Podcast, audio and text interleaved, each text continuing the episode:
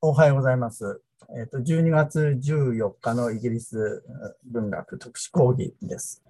えっ、と、今日は、えっ、と、西洋植民地主義のパラドックスというね、えテーマで話してきた、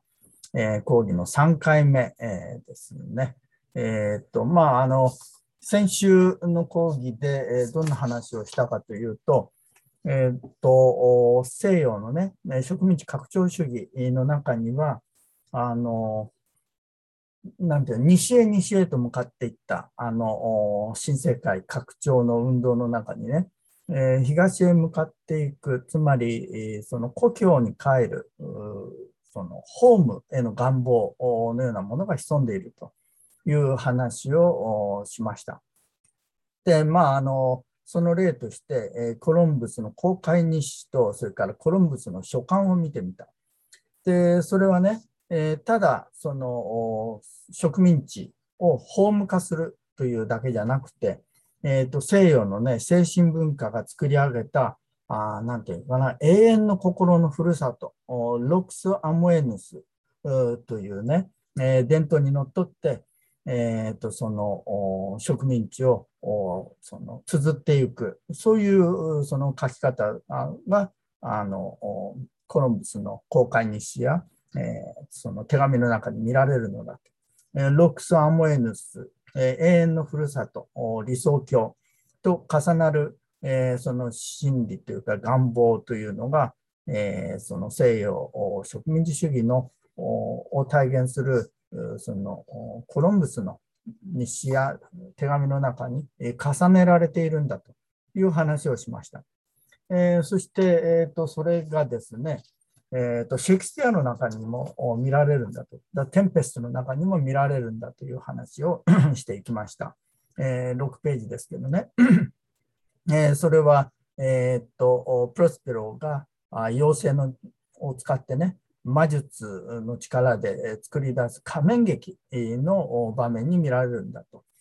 で、えーとその仮面劇のセリフを見てみると、えーとその絶海の孤島であるプロスペロのね、えー住む島に、えーとメリー・イングランド、ふるさと、イングランドですね。まあ、これ、シェイクスピアのイマジネーションが作り出すふるさとです。まあ、プロスペロはお話の上では、えーとそのミラノの領主だから、イングランドではないんだけど、シェイクスピアのイマジネーションの中に、えーとイングランド、ふるさと、イングランドのえーそのイメージがあその流れていたんだという話をしました。で、6ページで、えーとおこの一目見てわかるように、えーそのイラストをいっぱい、えーと上げておきました。えー絶海の孤島にイングランドの田園風景が作り出されているという話をしました。えーそして、えーと7ページの最後のところでね、えーと図式化して、えー分かりやすく、その単純化して、えーそれをそのどういうふうに理解するかということを記しておきました。つまり西洋世界は西へ西へと向かって新世界の拡張、新大陸、植民地の拡張に、えーその邁進していったわけですよね。え大西洋を越えて西へ西へと向かっていった。えーところが、あそれとは逆に東へ東へと向かう、えーその心理とかイマジネーションというのが、あ実はあその西へ向かうその運動の中に、え潜んでいたんだと。えーそれはこの下の7ページの図のように、えその考えておけばいいだろうというふうに説明しました。私的イマジネーションはふるさとへ、ホームへ、東へ向かうというふうに最後に書いておきましたけど、えーそういうパラドックスがあその植民地主義の先進文化を作り上げているという話をした。そしてそれは取りも直さず、シェイクスピアの The Tempest の中にも読み取れるのだという話をしました。えーそれで今日はその続きですね。えーと今日も、えー話はそんなに長く、説明はそんなに長くなりません。えーと8ページと9ページが、えー今日のトピックです。でね、東方の旧世界オリエントというのを考えてみたいと思うんですね。で、えっと、The Tempest の中の3幕3行にゴンザーローというその登場人物が語る次のようなあそのくだりがあります。ゴンザーローというのは最初プロットの説明のところで話しておいたけど、えー、プロスペロをそのクーデターで追いやった、えー、プロスペロの弟とナポリの王様ですね、えー、がいましたけど、ナポリの王様に仕える、えーと、低身で、えー、進化で、そして心優しい人物だったという話をした。このゴンザーロが、えーと、プロスペロと幼い、えー、ミランダの命を助けて海へ流したんだという話をした。そのゴンザーロです。で、このゴンザーロがね、今、ナポリの王様のアロンゾがそばにいるんだけど、えーと、その絶海のことを、まあ、プロスペロが支配する島ですよね。えー、そこにナンパして打ち上げられて、えー、不安に駆られているんですね。えー、それを見てゴンザーロが心配するには及びませんよという慰めているセリフです。こんな風に語っている。陛下、これアロンゾのことです。本当にご心配には及びません。我々が子供の自分には牛のように喉の肉が垂れて、まるで肉の袋をぶら下げているような山国の人々がいるとか、胸のところに頭がついている人間がいるとか言っても、誰が信じたでございましょう。信じたものでしょうか。ところが、もう今は大航海時代なんでね、新世界、新世界と向かっていく時代だから、無事に帰れたら5倍は儲かるという賭けをして旅に出ていった連中が立派な証拠を持って帰ってくる。そういうご時世ですから。うんえーと、そういうその新世界にはね、えーと、その右に書かれているようなそういうものがいるんだということを実際に証拠を持って帰ってくると、うん。そういう時代になったんだ。だからそんなにもう心配する必要はないですよというふうに言っている箇所です。で、これ、えっと、原文の方を見てみましょう。えっと、左側に上げておきました。えー、そこの1行目のフェンからです。When we are boys, 我々が子供の頃には、Who would believe that there are mountaineers dewlaps like bows? 誰が信じたでありましょうか信じようとしたでしょうか There were mountaineers, mountaineers 山に住む住人、生き物ですね。山に住む生き物。えー、それどういう生き物かっていうと、デューラップ。デューラップっていうのは、えーと、牛の喉に垂れ下がっている喉袋のことですね。だから、これ動詞として使っています。ここではね、デューラップと。えっ、ー、と、牛のように、えーと、喉から肉が垂れてた。like birds、お牛のように喉から肉が垂れた。マウンテニアーズ、山の住人たちがいるなんて誰が信じたでしょうかと。Uh, whose throats had hanging at them? M っていうのは them です。Uh, wallets of flesh。wallets っていうのは、えー、と袋ですね。フレッシュは肉です。肉の袋。えっ、と、whose throat その、えっ、と生き物の喉には had の目的語が次の行の wallets of flesh です。えーと、肉の袋があついていましたそれが hanging at them。them は throats です。喉のところにブラブラとぶら下がって、え、いると、えー、そういうものがいるなんて誰が子供の頃には信じたでありましょうかと。喉に肉の袋をぶら下げているような生き物が、えー、いるなんて誰が信じたでありましょうか。Or that there were such men whose heads stood in their breast あるいはそのような生き物が、うん、どういう生き物かというと、whose heads 頭が in their breast 胸のところにくっついているような、えー、そんな生き物がいるなんて誰が信じたでありましょうか which now we find each put out of five for one この put out of five for one っていうのは、えー、と非常に分かりにくくて、いろんな昼夜解釈がつけられているんですけれども、まあ、あの翻訳、右の翻訳にあるような意味で取るのが普通です。うんえっ、ー、と、1に対して5儲かるってことですね。5 for 1。うんえー、1に対して5儲かるような、うん、賭けをして、えー、出ていった、海の向こうに行った連中が、うん、えー、立派な証拠を持って帰ってくる。その put out っていうのが主語ですね。た連中が、えー、will bring 持ってくる。我々のところに。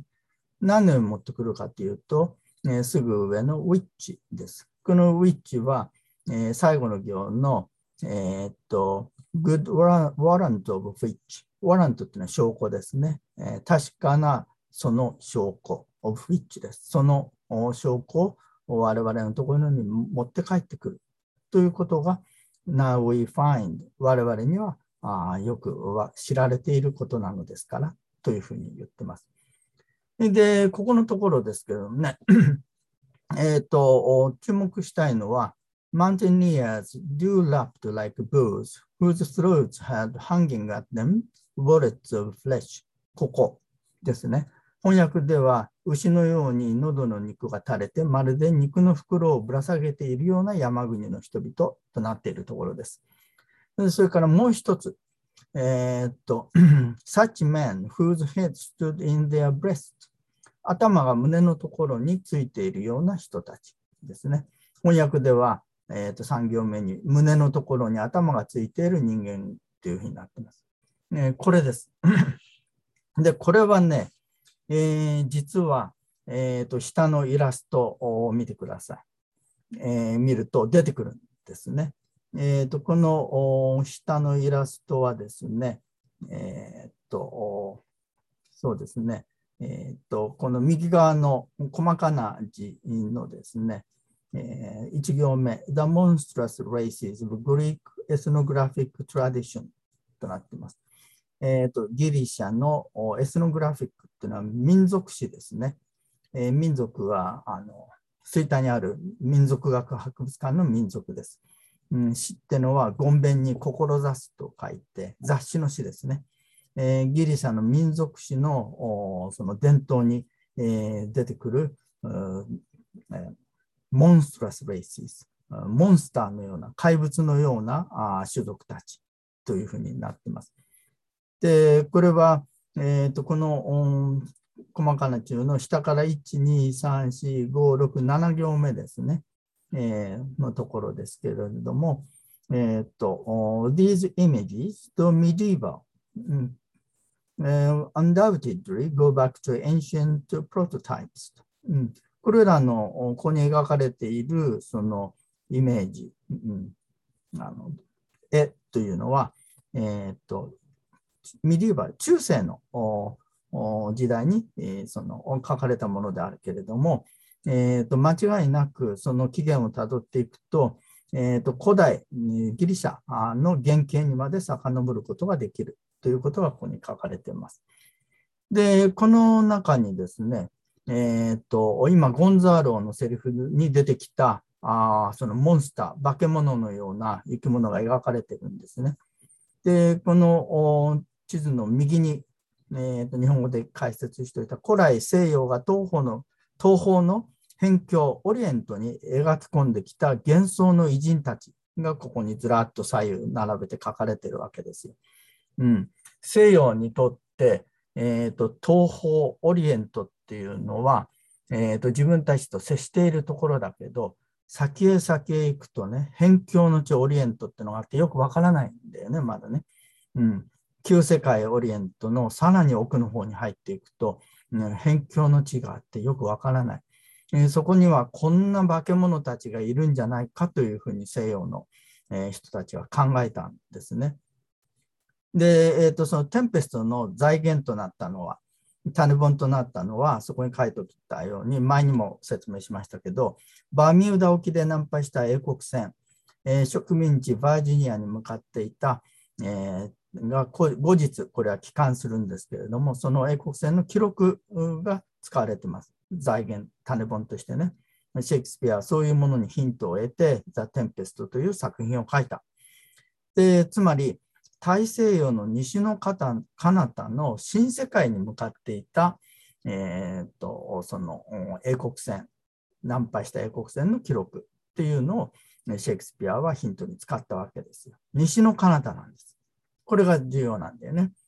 ところが、新世界に思いを馳せていたシェイクスピアの詩的イマジネーションうん、知的想像力、ポエティックイマジネーションが見ていたのは、実は東方の旧世界、オリエントだったということがわかるわけですよ。えー、このゴンザーロのセリフを見ると。それで、えー、これは、えー、と、オリエントにどういう生き物が住んでいたかっていうのをどういうふうに想像していたかっていうのがわかるんだけど、まずね、ゴンザーロの、えー、と牛のように喉の肉が垂れて、まるで肉の袋をぶら下げているような山国の人々、うん、っていうのはどこに出てくるか。右側の列の上から2つ目、赤い丸つけといた、これですね。こういう生き物ゴンザーロは想像しながら、あるいはシェイクスピアはこういう生き物を想像しながら、ゴンザーロのセリフを書いて、ゴンザーロにそういうことを言わせている。うん、それから胸のところに頭がついている人間っていうのは、左側の上から3番目です。こういう生き物、モンスターだよね。うん、化け物、怪物だよね。うん、こういうものをゴンザーロのセリフは語っている。もっと言えば、シェイクスピアはこういうものをあ想像しながら、ゴンザーローのセリフを書いて、ゴンザーローに語らせているということがわかるわけ。で、まあ、ここにはいろんなあの変わった生き物が出てきますよね。えーと、この肉のところに喉があの喉のところに肉がぶら下がったようなね右側のえー、丸つけてさ、その下にはさ、うさぎのような長い耳を持った生き物とかね、え、その下には何だろう、ヤギ人間みたいなのとかさ、いろいろいるじゃないですか。から左側の上から2番、一番上にはなんか狼人間みたいなのとか、一つ目人間みたいなの2番目に書かれてるよね。それから、この胸のところに頭がついているモンスターの下には、えーと、フットが逆向き逆向きについている生き物とかね。から下から2番目には、えー、一つ足人間みたいなのも描かれてるじゃないですか。こういういろんなモンスターが、えー、辺境の地、東のオリエント、旧世界オリエントの辺境の地には住んでいると、えー、西洋の人たちは想像したわけですね。まあ、よく知らないところっていうのは、えーと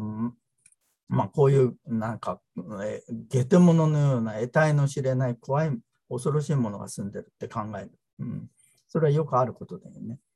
で、つまりこれは、その一番下に書いておたけど、西へ西へ向かっていくと東に出会う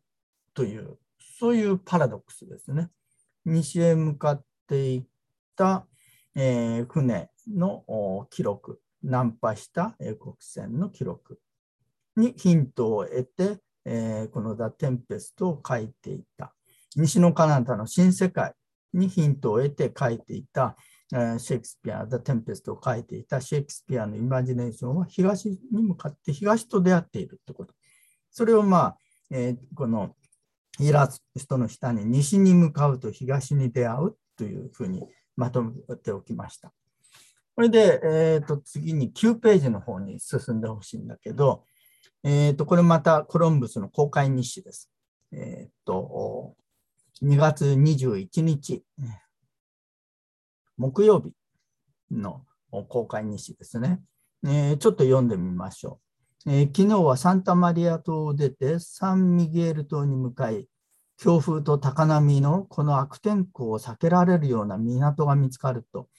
えー、見つかるかと夜まで航海を続けた、航海を続けたが、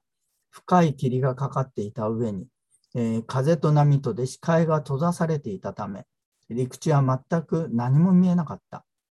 提督は海のことがわかる乗組員はたった3人で、他の者は海の知識は皆無だったから心穏やかではなかったと述べている。提督は一晩中激しい嵐の中に非常な危険とロークを重ねて、えー、っと相反に努めたが、えー、主の恩寵により、幸い波は一方から押し寄せてくるだけであった。先日のように両方からの波が噛み合ってきていたなら、それこそもっとひどいことになっていただろう。日が出てからもミゲール島は見えなかったので、サンタマリア島に残してきた乗組員やあ探偵、探偵っていうのは小さな船、ボートですね、えー、綱、えー、怒りを取り戻せるかどうかを試みるために、えー、サンタマリアと道東へ戻ることにした。でえー、提督はあこの冬の期間中、インディアスでは怒りを下ろすことなく航海できたし、常に好天に恵まれて、え、走行できないような海を見ることは1時間もなかったのに、この島の辺りに来てこのような大嵐に遭うとは誠に驚くべきことだ。えー、もっとも、これと同じようなことは、往路のカナリア島までの間でも起こったが、それを越して、え、過ごして、え、後は、え、やり過ごして後は、常に両風に恵まれ、海も全く穏やかであったと述べている。長いね、この一文。で、大事なのは次の産業です。これが一番大事。そして提督は結論として、聖なる神学者や賢なる哲学者が、地上の楽園は、えー、東洋の終わりにあり、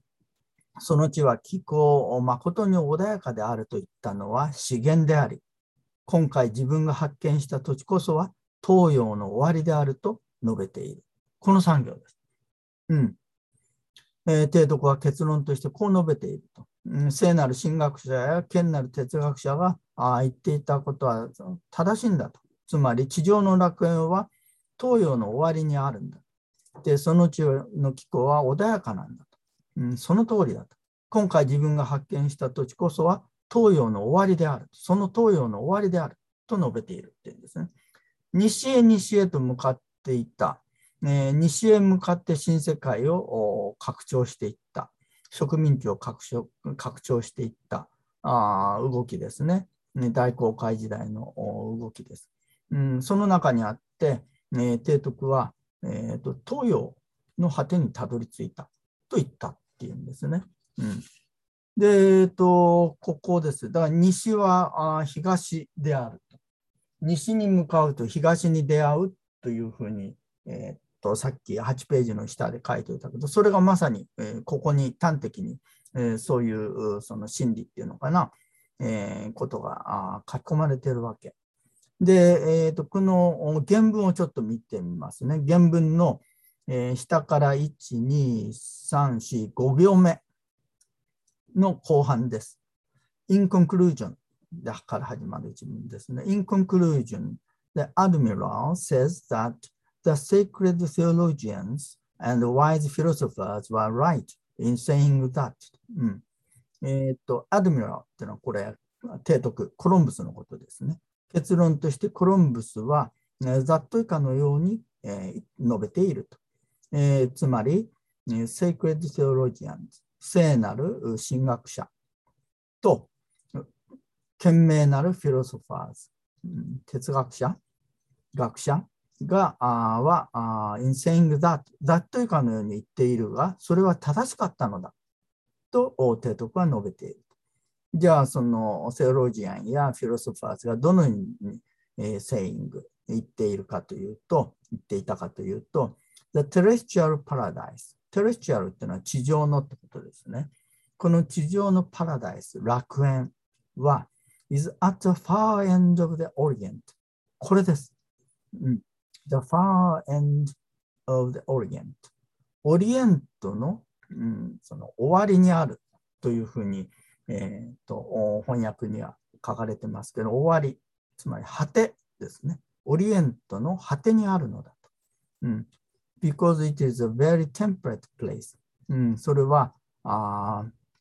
えーと、とてもテンプレットと穏やかなあ場所であるから、え、この嵐の西ではなくオリエントの端にあるという、うん、それは正しいんだっていうんですね。うん、そして、so those lands、uh, which he had now discovered are the farthest orient というわけで、えーと、those lands which had now 今、提督が発見した、うんえー、この土地は、今回自分が発見したあこの土地は、あそれこそが、えー、the farthest orient 東洋の果てですね。まあ、終わりよりも果てのがいいんじゃないかと、もう同じような意味です。東洋の果てである。うん、そのように述べているっていうんですね。えーと、古来の哲学者や神学者は、地上の楽園っていうのはオリエントの、東洋の、東方のうちオリエントの果てにあると言っていた。うん。そのうちは本当に穏やかであると言っていた。うん。それは、あその通りなのだと。うん。で、自分が今回のこの 船旅で、えー、発見したあ土地、それこそがまさに、えー、この東洋の果て、オリエントの果て、えー、なのだと。東洋のオリエントの果てなのだというふうに述べていると言っています。で、これコロンブスの公開日誌です。うん、つまり、新世界というのは、あその原文の下に書いておきましたけど、西の果てだっていうんですね。西の果てへ向かってきたわけですね。西へ西へと植民地を広げてきた。大西洋を渡ってね、越えて。うん、新世界、新大陸を見つけてき、えー、たわけですね。で、それは結局、東の果てにたどり着いたのだと。うん、で、そここそが地上の楽園なのだという発想です。つまり、えーと、西の果てを目指してきた、えー、その船旅は東の果てにたどり着いたのだと。地上の楽園にたどり着いたのだと言ってます。えーと、先ほど8ページで、えーと、西に向かうと東に出会うというふうに、えー、一番下に書いておきましたけど、それですね。それがここに端的に現れています。うん、そこでね、えーと、もう一度、テンペストに帰ってみたいと思うんですよ。えー、最初に言ったようにね、えーと、最初の講義の時、このトピックのね、言ったように、The Tempest というお芝居は、えー、植民地拡張主義、西へ西へと向かっていった植民地拡張主義を体現するようなあ芝居であるというふうに論じられてきたと言いましたね。で、えー、では本当に、えー、その、ダ・テンペストという芝居はね、えー、西へ西へという動きだけなのか、それだけを表あの体現しているのかというと、いや、そうではなさそうだという話をしてきました。うん、どうやらあ東方の地、オリエントの方に向かっていくイマジネーションっていうのも、えー、そこに入り込んでいたのではないかとと。いう、いるのではないかというお話を今日の8ページで、えー、しました。で、それをまあさらにもうちょっと話をその方向で進めてみたいんです。で、下の、えー、この地図ですね。うん、これ。これはね、えっ、ー、と、アジアの地図です。えっ、ー、と、この地図の一番上に、あとタブラ、アジアジアなってますね。一番上にタブラ。と v というのは今の U ですから。タブラ、アジア。アジアの地図ということです。で、これはどこから持ってきたかというとね、セバスチャン・ミュンスターというドイツの神学者であって地理学者であった人が、えー、と出版したあその書物から持ってきたものです。ミュンスターという1489年からね、1552年まで生きた人です。ドイツの地理学者であって神学者でもあった人。えー、その人がね、1542年に、えーと、トレミンの地理学という書物を出版してるんですね。ねスイスで。えー、そこの中に収められているその図像、地図です。で、えーと、これを見るとね、非常に面白くて、どこを見ていくかというとですね、えーと、まず左の上ですね、えーと、赤い丸に青い矢印つけといたけど、そこにスキティアと、シディアというふうに書かれてますよね。うん、これ、スキタイのことです。スキタイというのはね、えーと、当時のオリエントの辺境ですね。東方の地、オリエントのさらにその先の辺境、そのエリア、これをスキタイというふうに言いました。こだからこの地図はスキタイの地図なんですね、うん。アジアの中の特にスキタイの地図であるということがわかります。えー、それで、えーと、このヘリを見てみると、さっき8ページで、えー、出てきたイラストのモンスター、怪物みたいなのが描かれてるんでしょ。だから辺境の地にはモンスターが住んでいるというふうに考えられていたわけですよ。で、まず右側の青い丸ですけどね、これゴンザーロのセリフに登場したモンスターじゃないですか。胸のところに頭がついているっていうのはこれですよそれとか、まあ、その下にはね、これゴンザーロのセリフには出てこなかったけど、犬人間みたいなのが書かれてますよね。それから左側には、これは先ほどの8ページの、えー、とイラストにもありましたけど、一本足人間ですね、のようなモンスターが書き込まれています。うん、辺境の地にその住むモンスターたちが書き込まれてるんだよね。で、えっ、ー、と、テンペストの中にね、えっ、ー、と、キャリバンの母のシクラックスっていうのが言及されて出てきます。えっ、と、この地図の右側に書いておいた、キャリバンっていうのは今、あそのプロスペロに支配されて、奴隷のように使われている、えー、あの登場人物ですけどね、えー、このキャリバンの母親っていうのはシクラックスっていう名前だったんですね。そこへ書いておいたように。で、これはね、え、ー、と、プロスペロが言うには、北アフリカのアルジェから追放されて、もともとはこの島にやってきた魔女だったっていうんですね。でプロスペローが漂着するまでこの島を支配していた。うん、つまりプロスペローによって収奪された島の先住民です。うん、で、えーと、もともとはアルジェから追放されたっていうんですね。だからこれオリエント起源なんですよ。このシコラックスっていう母親は。で、えーと、その地図の下、キャリバンっていうのは、あじゃあどういうふうに読んだらいいかというと、アメリンディアンというふうに捉えることが、えーとよく行われてきたんですね。新大陸の先住民、アメリカ・インディアンに重ねられて、えー、その論じられてきたんです。1980年代以降ですね、特にザ・テンペストを論じるときにはよくそう言われてきた。でキャリバンの母もセコラックスもキャリバンももともとこの島に住んでいた先住民なので、えーと、要するに、えー、西洋からやってきたあその勢力によってね、えー、収奪されて支配されてしまった、え先住民に重ねられる。要するに、えーと、非植民地となった、植民地化されてしまった土地の人々というふうに捉えられるわけ。うん、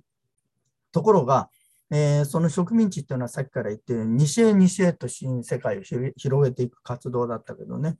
えー、スコラックスの母親の出自を見てみると、どうやらアルジェから追放されてきたっていうんだから、もともとはオリエントの方の起源だったっていうことがなんとなくわかるんですね。で、えーと、もうちょっと見てみると、えー、その地図の下に赤字で書いておいたシクラックスっていう魔女の名前ですけどもね、この名前はどこから来てるのかっていうのが、えーと、そこに書いてあるようなあそのことです。つまり、シクラックスっていうのは、シーディアンコラックスからあ付けられた名前だろうというふうに言われてます。シーディアンコラックス。シーディアンっていうのは、えー、っと、スキタイのという意味ですね。で、えー、その地図の一番上、さっき見たスキタイがありましたけど、スキタイのってことです。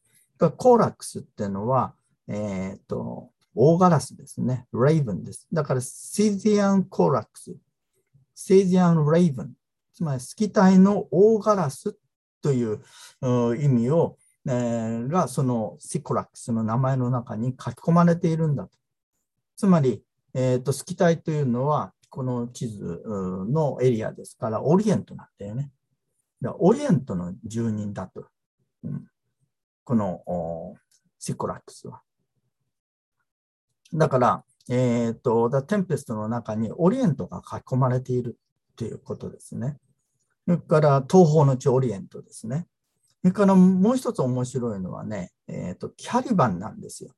これ今あの、プロスペロの召使いのようになっている、えー、その重要な登場人物ですけどね、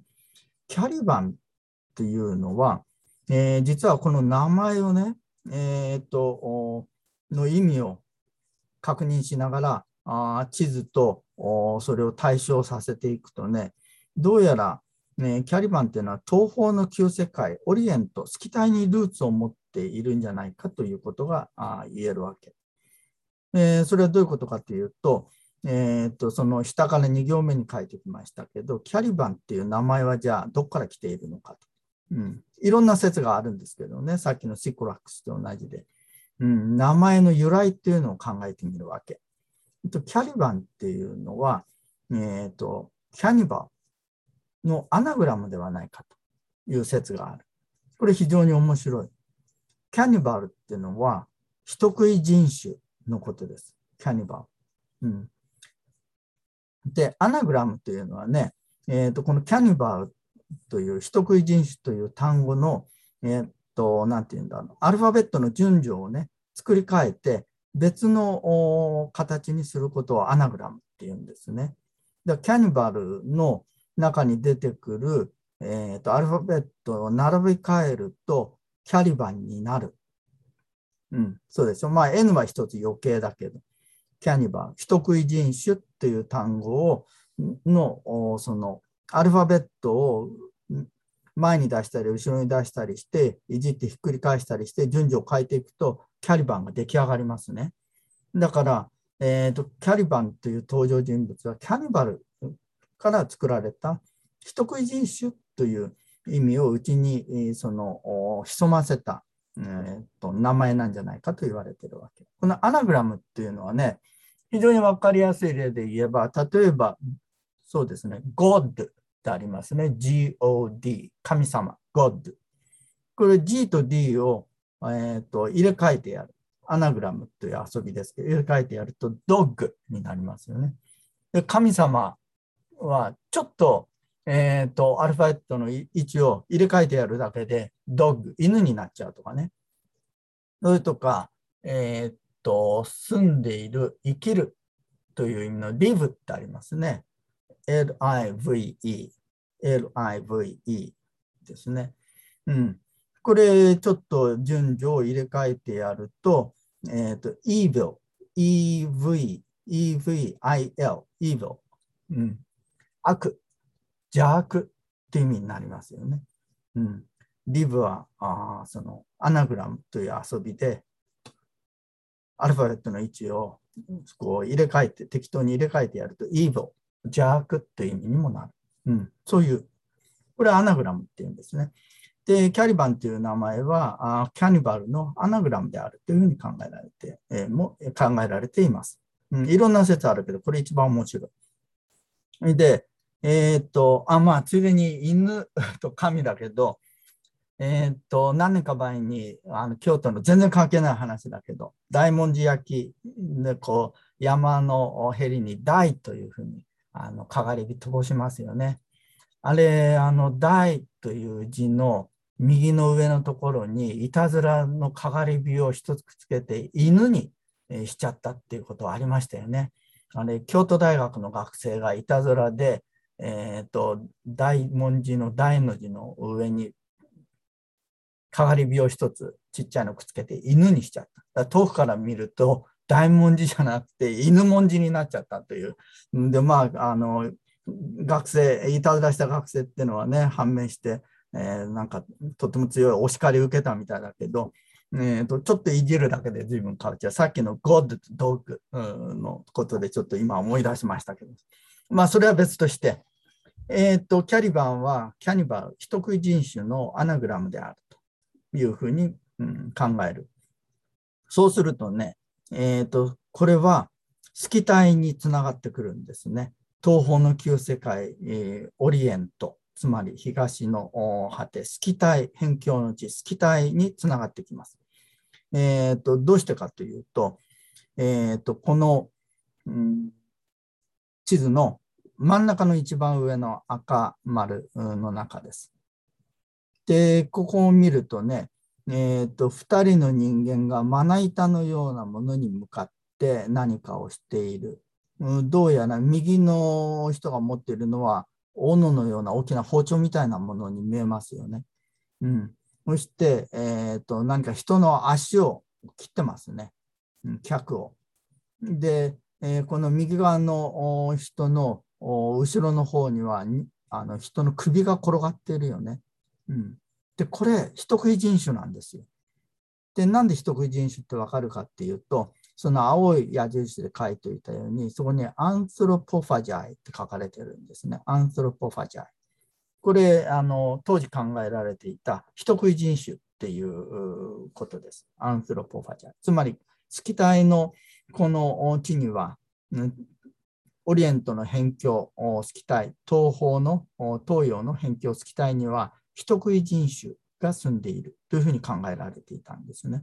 そうすると、このキャリバンですけれども、えー、と母親が、えー、とスキタイ、えー、この東方の東洋の地ですね、オリエントに出自があるというふうに考えると、えー、とその息子であるキャリバンもまた、えー、その名前の意味からあその辿っていくと、母親とはまた別の、なんていう回路でね、えー、この東方の地につながってくるっていうわけです。で、えーとまあ、こういうふうに考えるとね、えーと、ザ・テンペストの中のあの非常に重要なね、えー、その登場人物、まあ、シクラックスはもう死んじゃってて、実際には登場しないんだけど、えー、キャリバンは非常に重要な、あ主要な登場人物の一人ですけど、その登場人物からも、えー、この西の果ての絶海の孤島のように、その見える、えー、その土地に、えー、その東が入り込んでいるということですね。東方の地が入り込んでいる。東方の絵のイマジネーションが入り込んでいるということです。えーとまあ、8ページと9ページ、両方合わせて、えー、見ると、えー、西に向かうと東に出会うという、その8ページの一番下に書いていたことがよくわかる。シェイクスピアのイマジネーションの中にはこういう世界が広がっていたということです。オリエントの世界がポエティックイマジネーションの中には広がっていたということです。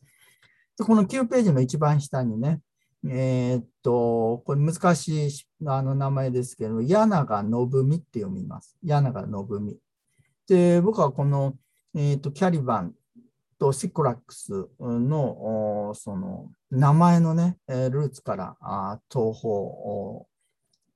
の要素ですね、オリエントとのつながりっていうのを見つけてくるのにね、やあの大きなヒントになったのが、えこの柳が信美っていう人の書いた、え幻想の東洋、オリエンタリズムの系譜っていう本なんですね。これ非常に面白い本で、えーとその中にこういう地図も出てきます。制度者っていうところから1987年に出たんだけどね、えー、と今はあどうやら、えー、と千曲の学芸文庫に、え上下、え2巻本として入っているようです。え興味のある人はあ読んでみてください。え東方の地、東洋の辺境には、えー、こういうモンスターが住んでいたという話なんですけれどもね、